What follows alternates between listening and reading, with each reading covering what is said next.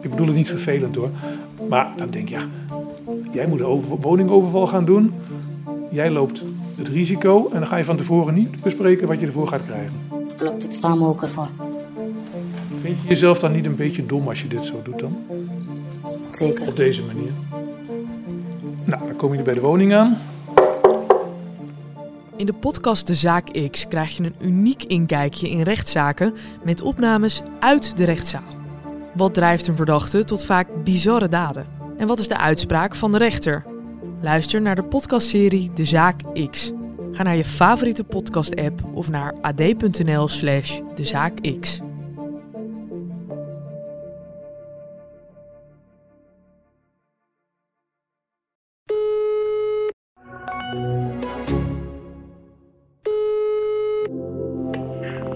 Bij Albert Heijn, Ethos en Gal Communicatie. Dit is het telefoonnummer voor onze mediarelaties. Bent u journalist of redacteur? Kies 1. Ik leg contact met het hoofdkantoor van Albert Heijn. En zoals vaker bij hoofdkantoren was dit het antwoord. Ehm, op dit moment is het het handigst om eventuele vragen die je daarover hebt, even via pers.ah.nl door te sturen, via e-mail. Ja. Dan kan ik even zoeken wie, eh, wie ik dan in de organisatie zou moeten hebben daarvoor. Mailen dus. In een mail vraag ik of ik een oud-directeur kan spreken. Hij kan misschien vertellen hoe groot de impact is voor het bedrijf. Hoe gaat de nazorg? En is er veel contact geweest met de politie? En de daders, die liepen nog altijd vrij rond. Wie weet zou een volgende vestiging van de Albert Heijn aan de beurt zijn. Hopelijk krijg ik antwoord. Ook vraag ik naar Johan, de vakkenvuller die het heeft overleefd. Hij werkt nog bij Albert Heijn, dus misschien kan het bedrijf hem officieel vragen om mee te werken. Ik heb het ook aan zijn zus gevraagd, maar wie weet. Mensen zijn in koele bloeden vermoord, daar lijkt het op. Agenten troffen eigenlijk een afschuwelijke toestand aan. En die toestand die, uh, heeft ze echt uh, aangegrepen en is niet in hun koude kleren gaan zitten, hoewel ze nog professionele krachten zijn. Je luistert naar Appie. Appie is een podcast van Mark Adriani. Ik maak deze podcast in opdracht van De Gelderlander, het AD en de aangesloten regionale kranten. Deze podcast vertelt het verhaal over de meest brute en dodelijke overval op een supermarkt in de Nederlandse geschiedenis. Vakkenvullers Rob en René kwamen daarbij om het leven. Johan wist te vluchten en moet nu leven met een handicap en littekens van twee kogels. De dader is Appie. Appie A. Hij zit vast. Maar hoe lang nog? Dit is aflevering 2. De slachtoffers. Weer ben ik in Oosterbeek. Dan zal ik deze podcast nog wel vaker moeten zijn. Nog voordat ik kan aanbellen gaat de deur open. Goedemiddag. Dag, ga je gang. Dank. Ik heb afgesproken met de huisarts. Niet mijn eigen huisarts, maar de huisarts van mijn oma. Ja, echt waar. Van mijn oma. In de vorige aflevering vertelde ik dat mijn oma in Oosterbeek woonde. Ze is jaren geleden overleden, maar toeval wil dat deze huisarts op 14 mei 1990 werd opgeroepen. De dag van de overval. Bij binnenkomst kan ik het niet laten. Ik vraag eerst even naar oma. Dat is een hele lieve mevrouw, ja.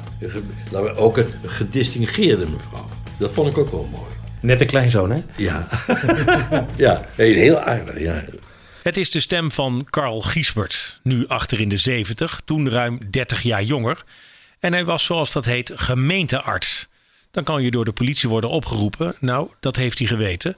Iets voor half acht ging zijn telefoon. Of hij direct naar de Albert Heijn kon komen. Ik ben net aangekleed en de tas naartoe gegaan. Merkte toen ik er aankwam, dus al een enorme oproer van toeschouwers, politieauto's, ambulances en noem maar op. En moest via de achterdeur naar binnen.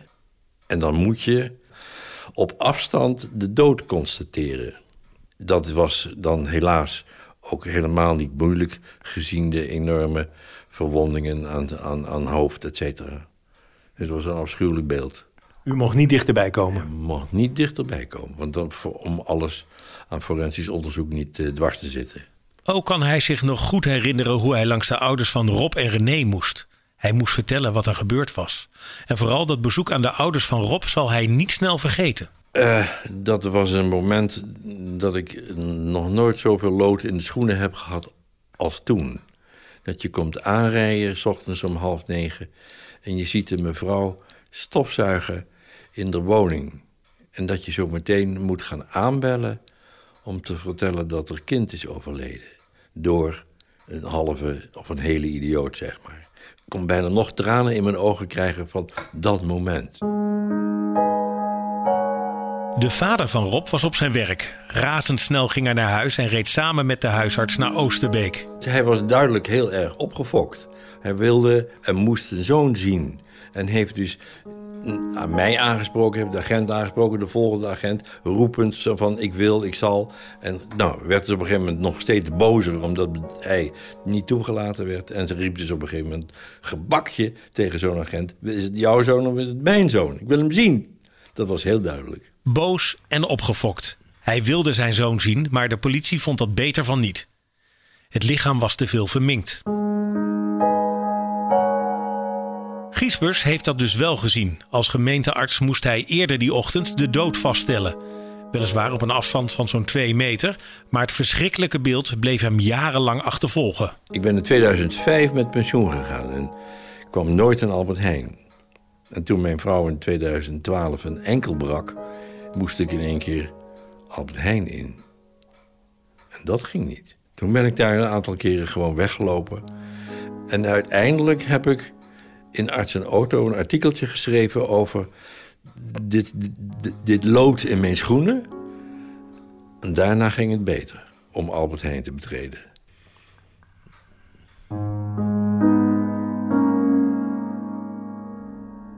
De ogen zijn direct na de overval vooral gericht op de politie. Die heeft inmiddels een behoorlijk goed beeld van de vlucht van de daders. De gele golf blijkt te zijn gestolen in Lexmond. En zoals in een spannende film wisselen de overvallers van vluchtauto. Die wissel doen ze gewoon in Oosterbeek, in een woonwijk. Daar stond een grijs-blauwe Opel Kadett klaar. En die auto is dan weer eerder gestolen in Nieuwegein. In het NOS-journaal hoor je iemand die die wissel van de vluchtauto heeft gezien. Toen hij terugkwam, zette hij de, stapte hij de auto over. Met een lang geweer in de handen. Ja, lang geweer.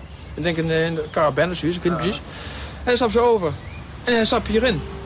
En, uh, weet en toen hadden ze die zwarte kappen hadden ze op. Dus mogen het gezicht in. Ja. Dus, en die andere had de noten en die andere sprong uit die, uit die uh, golf. Ja. Waar stond hij dan? Stond hier precies voor. hier, kijk, de sporen zijn er nog. Hier. Hier stond hij. De sporen zijn er nog. Hier stond hij, zegt deze bewoner van Oosterbeek. En deze man wist ook te vertellen wat het kenteken was. LR64PZ. Ook trekken de overvallers hun regenpakken uit. Nu dragen ze gifgroene kleding. Dat moet toch opvallen? Toch verdwijnen ze spoorloos. Later in deze podcast veel meer over de zoektocht van de politie. Ja, ik ben Marijke Wasser. Ik woon al sinds 1964 hier in Oosterbeek. En ik ben eigenlijk al uh, bijna vanaf het begin ook actief uh, binnen de kerk.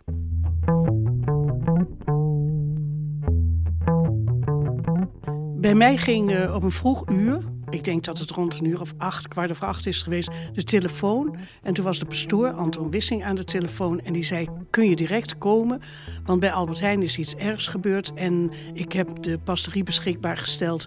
De politie is hier geweest en uh, kun je direct komen? Zo ging dat gesprekje eigenlijk. Op die maandagochtend kreeg de pastoor bezoek van de politie. En dat was niet zomaar. De kerk ligt namelijk pal naast de Albert Heijn. Politiechef Miltenburg weet dat ook nog. Nou, dat is als je het dan weer hebt over praktisch politieoptreden. Dan wordt de hele omgeving afgezet. Maar dan zijn die paar politiemensen die daar zijn, die eh, denken ook van ja, wat moeten we nu doen met al die personeelsleden die er komen? Die kunnen niet naar binnen. Wat is even een praktische oplossing? Nou, toen hadden we die kerk daarnaast en toen is er gewoon aangebeld. En gezegd van mogen we hier even een ruimte inrichten om mensen op te vangen. Eh, omdat we ook snapten dat dat moest uh, gebeuren. Dus nou ja, dat is uh, de praktische ingeving van de politieman of vrouw. Ik weet niet wie het, wie het was.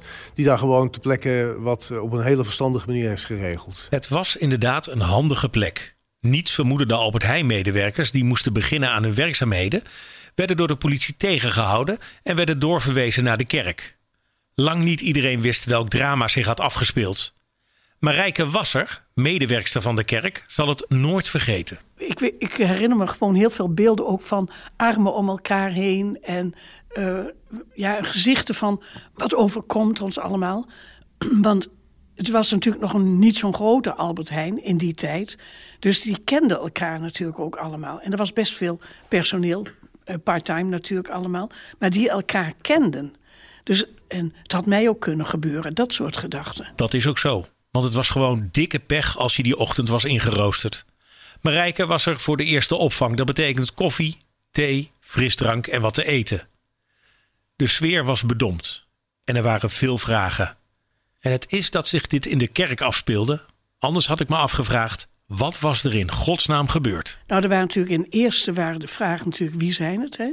Maar dat we konden natuurlijk wel achterhalen wie s'morgens al die vroege diensten had, hè, zeg maar, in het magazijn, want daar was het gebeurd. En vragen van waar is het gebeurd? Hoe is het gebeurd? Eh, hoe zijn ze eraan toe?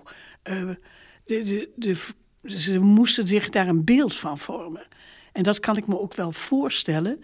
Eh, anders ga je met eh, je gedachten aan de haal. En dat was ook de reden dat ze op alle vragen die ze hadden een antwoord probeerden te krijgen. En ook werd dat toch ook gegeven door het traumateam natuurlijk. Van dat je geen beelden gaat vormen die het, dat het nog ernstiger maakt, zeg maar. Maar de vragen lagen echt in de richting van...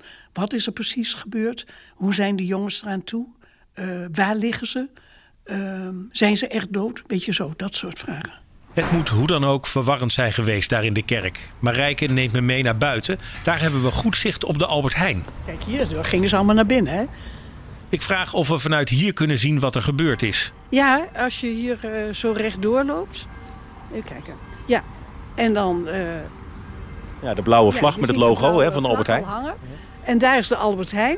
En de ingang van de Albert Heijn was toen ook aan deze kant. En dat is nu allemaal vergroot en vernieuwd en gemoderniseerd. En die is dus eh, ja, al twee keer geloof ik na de overval. En eh, die, de ingang is nu aan de andere kant. Maar de ingang was ook aan deze kant. En dat beeld heb ik, zie ik ook nog wel. Want ik weet nog dat in de gesprekken werd op een goed moment gezegd... wie van jullie zou eigenlijk, ehm, wil eigenlijk naar de winkel? Zou dat aandurven? Dat werd gevraagd aan het personeel. Ja, aan- nee, ja, aan het personeel. Ja, er werd gevraagd aan het personeel. En eh, er was er altijd wel één in aarzelend zo van... Maar ze gingen nooit alleen. Er ging altijd iemand mee. En als ze terugkwamen, dan was er weer in het gesprek, zeg maar.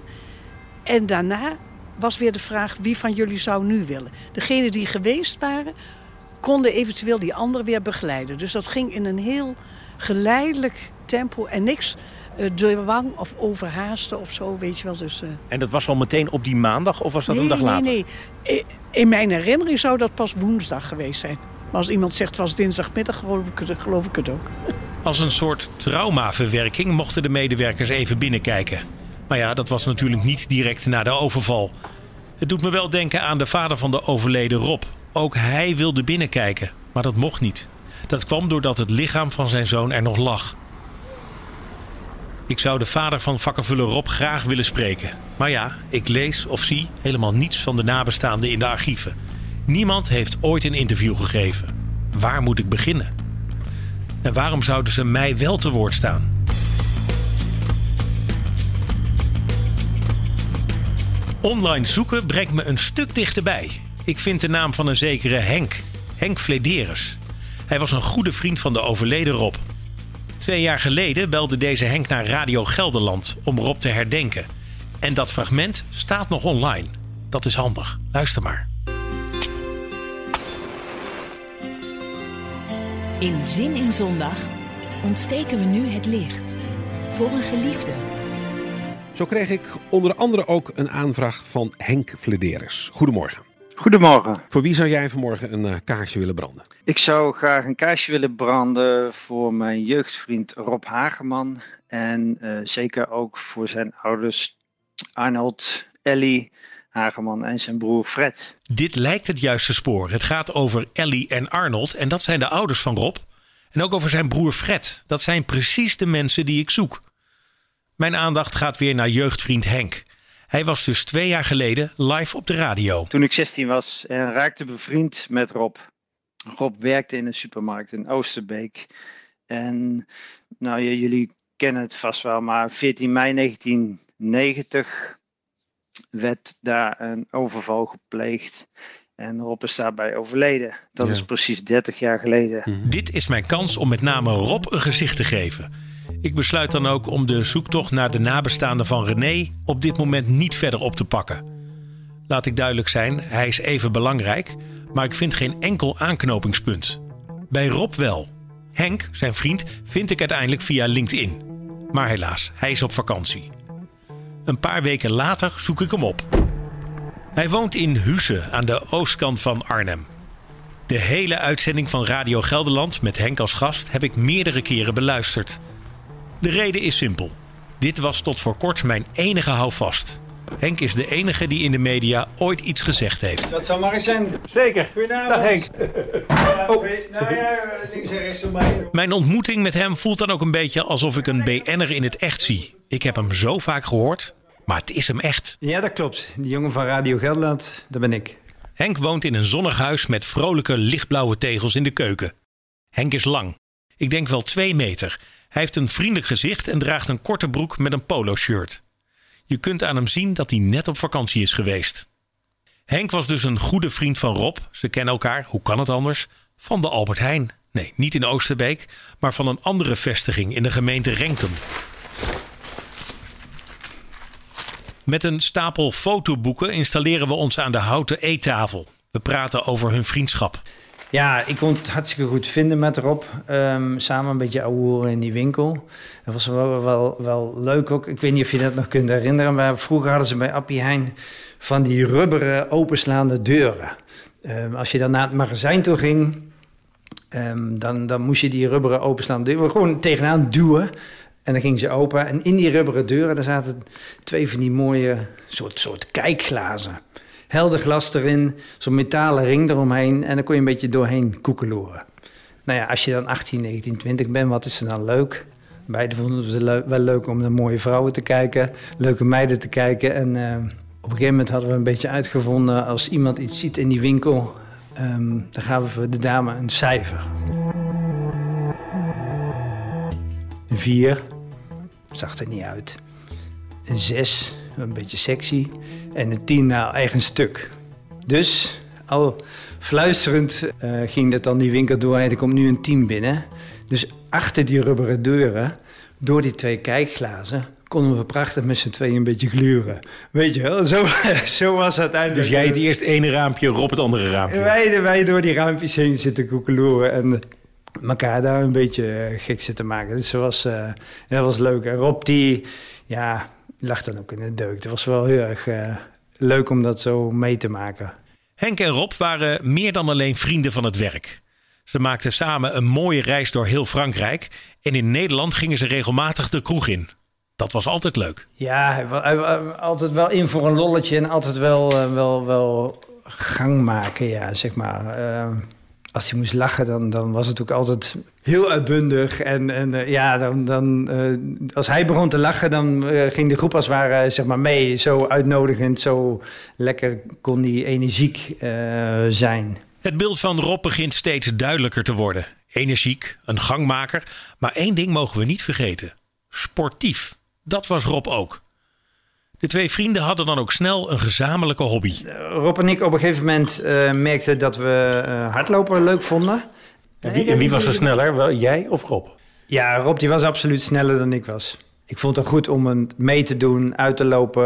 eh, eh, Rob die had wel zoiets meer dan, meer dan ik dat had eh, om eh, ja, de competitie op te zoeken en te winnen. Samen met Henk liep hij regelmatig een kwart marathon of zelfs een triathlon. Dan moet je ook nog fietsen en zwemmen. En de vader van Rob was ook vaak van de partij. Voor mijn gevoel is Henk in zijn hoofd weer even terug in het einde van de jaren 80. Vol trots heeft hij inmiddels tientallen medailles uitgestald op de keukentafel. Dat zijn er veel, hè? Ja, het zijn, het zijn, er, het zijn er heel veel. Eh, 80 moeten we dan zijn. Ja, deze bijvoorbeeld. De derde Velpse mini-douw triathlon. 1986. Ehm, we hadden gewoon enorm veel lol en ook een beetje competitie zeg maar, met elkaar.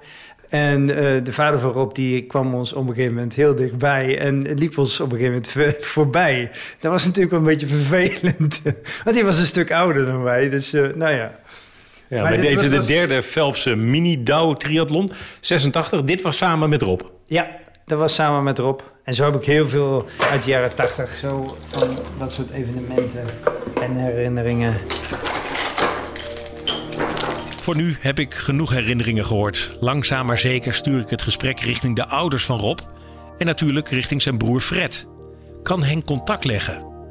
Ik overval hem een beetje met die vraag. Ik wil daar um, eerst even met, met de ouders van Rob en met Fred over, na, over, over hebben of zij daarvoor openstaan. Je kunt je voorstellen dat als je het erover gaat hebben en, en, en daar gerichte vragen over stelt, dat dat best pijnlijk kan zijn. Uh, de emotie van toen en, en de herinneringen weer oprakelen. Dus ik wil contact met, het, met hun opnemen en dan kom ik bij je terug of ze het uh, oké vinden.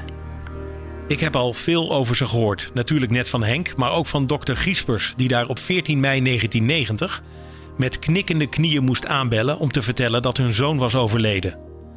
Maar hij was in 1990 niet de enige. Ook Pim Miltenburg, de politiebaas, die moest op die bewuste dag langs de vader en moeder van Rob. Ik heb het beeld van die huiskamer waar ik toen was uh, en die, ja, die wanhoop uh, bij die mensen. Dat, dat beeld dat kan ik ook nog uh, oproepen. en, dat, ja, ik, dat, en dat snap ik trouwens ook heel goed. En dan, dan wil je die mensen aan de ene kant heel veel vertellen. Aan de andere kant realiseer ik me dat ik ze ook niet te veel moet vertellen. En dat dat ook niet uh, helpt. Uh, uh, en dat bedoel ik met name nou, de wijze waarop hij om het leven is gekomen. Wat ik had gezien. Want ik denk dat helpt helemaal niet om jullie verdriet nu nog weer groter te maken. En dan ben ik blij dat er vervolgens door uitvaartondernemers op een goede manier werk van is gemaakt. Maar ik vond het op, op die dag ja, heel heftig. Heftig. Hoe dan ook, de politie had vanaf dat moment één belangrijke taak: zoek de daders. De Afro-televisie hielp ook mee, dankzij het programma Opsporing Verzocht. Het uh, politieteam onderzoekt op dit moment of deze overval enige relatie vertoont met andere soortgelijken in ons land. Onder andere met een overval op een vestiging van Albert Heijn in Baren. En die overval die werd vorig jaar oktober gepleegd. Het gaat hier over de overval van de Albert Heijn in Baren. In 1989, een jaar eerder dus. En daar gelukkig geen doden, wel een buit. De daders wisten toen 277.000 gulden mee te nemen. U kunt nu bellen met het recherchebijstandsteam in Renkum op nummer 085. Dat nummer is voor nu niet interessant, maar de uitkomst wel. Er kwamen massaal tips binnen. Er lag dan ook een beloning klaar van 50.000 gulden voor de gouden tip. En ook de Albert Heijn deed er een schepje bovenop.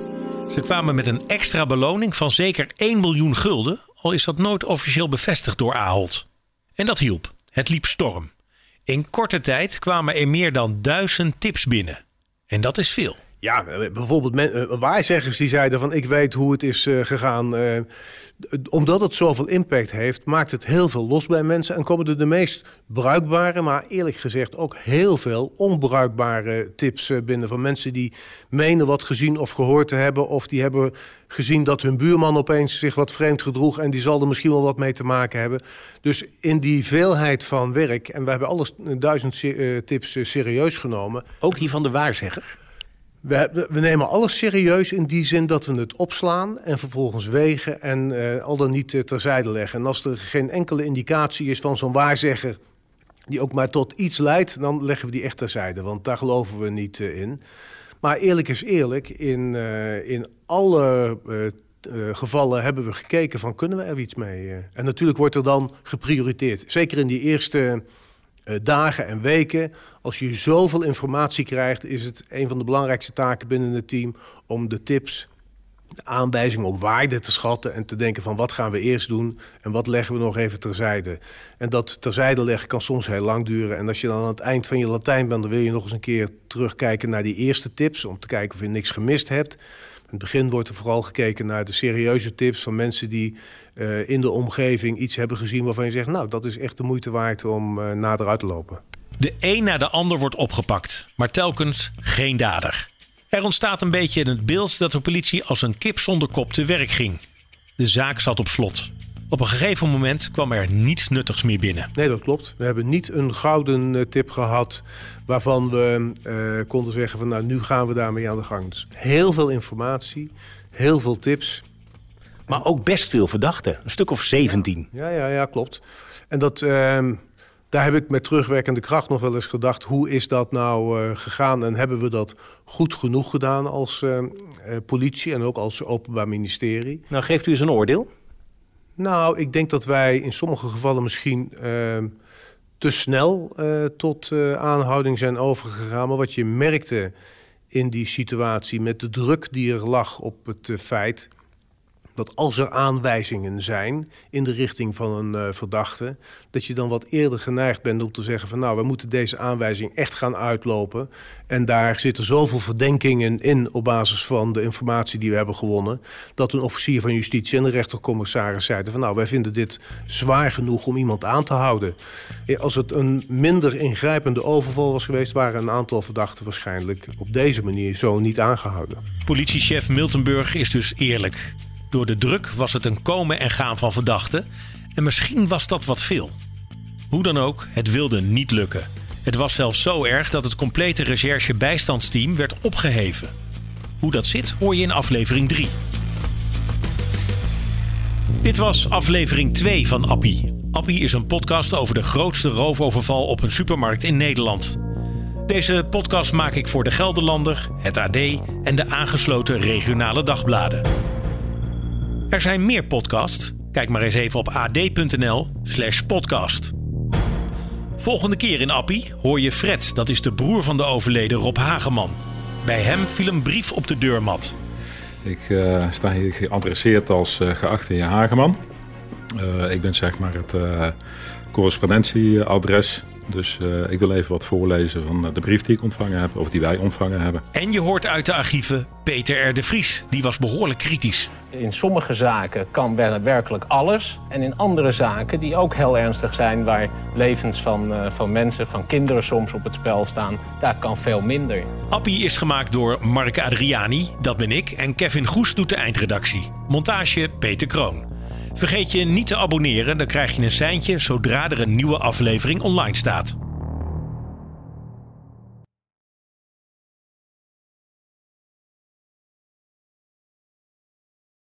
In 1986 wordt er een moord gepleegd. Het is een moord in huiselijke kring, ergens in een buitenwijk van Stockholm. Het slachtoffer is een 30-jarige vrouw. De dader, haar stiefzoon Samir Sabri. En vrijwel gelijk als de politie ter plaatse is, bekent hij haar vermoord te hebben. Op basis van die bekentenis en ander bewijsmateriaal wordt hij veroordeeld tot een lange gevangenisstraf. Alleen kort daarna beweert hij onschuldig te zijn. Terecht of niet? Je hoort het in de stiefmoedermoord.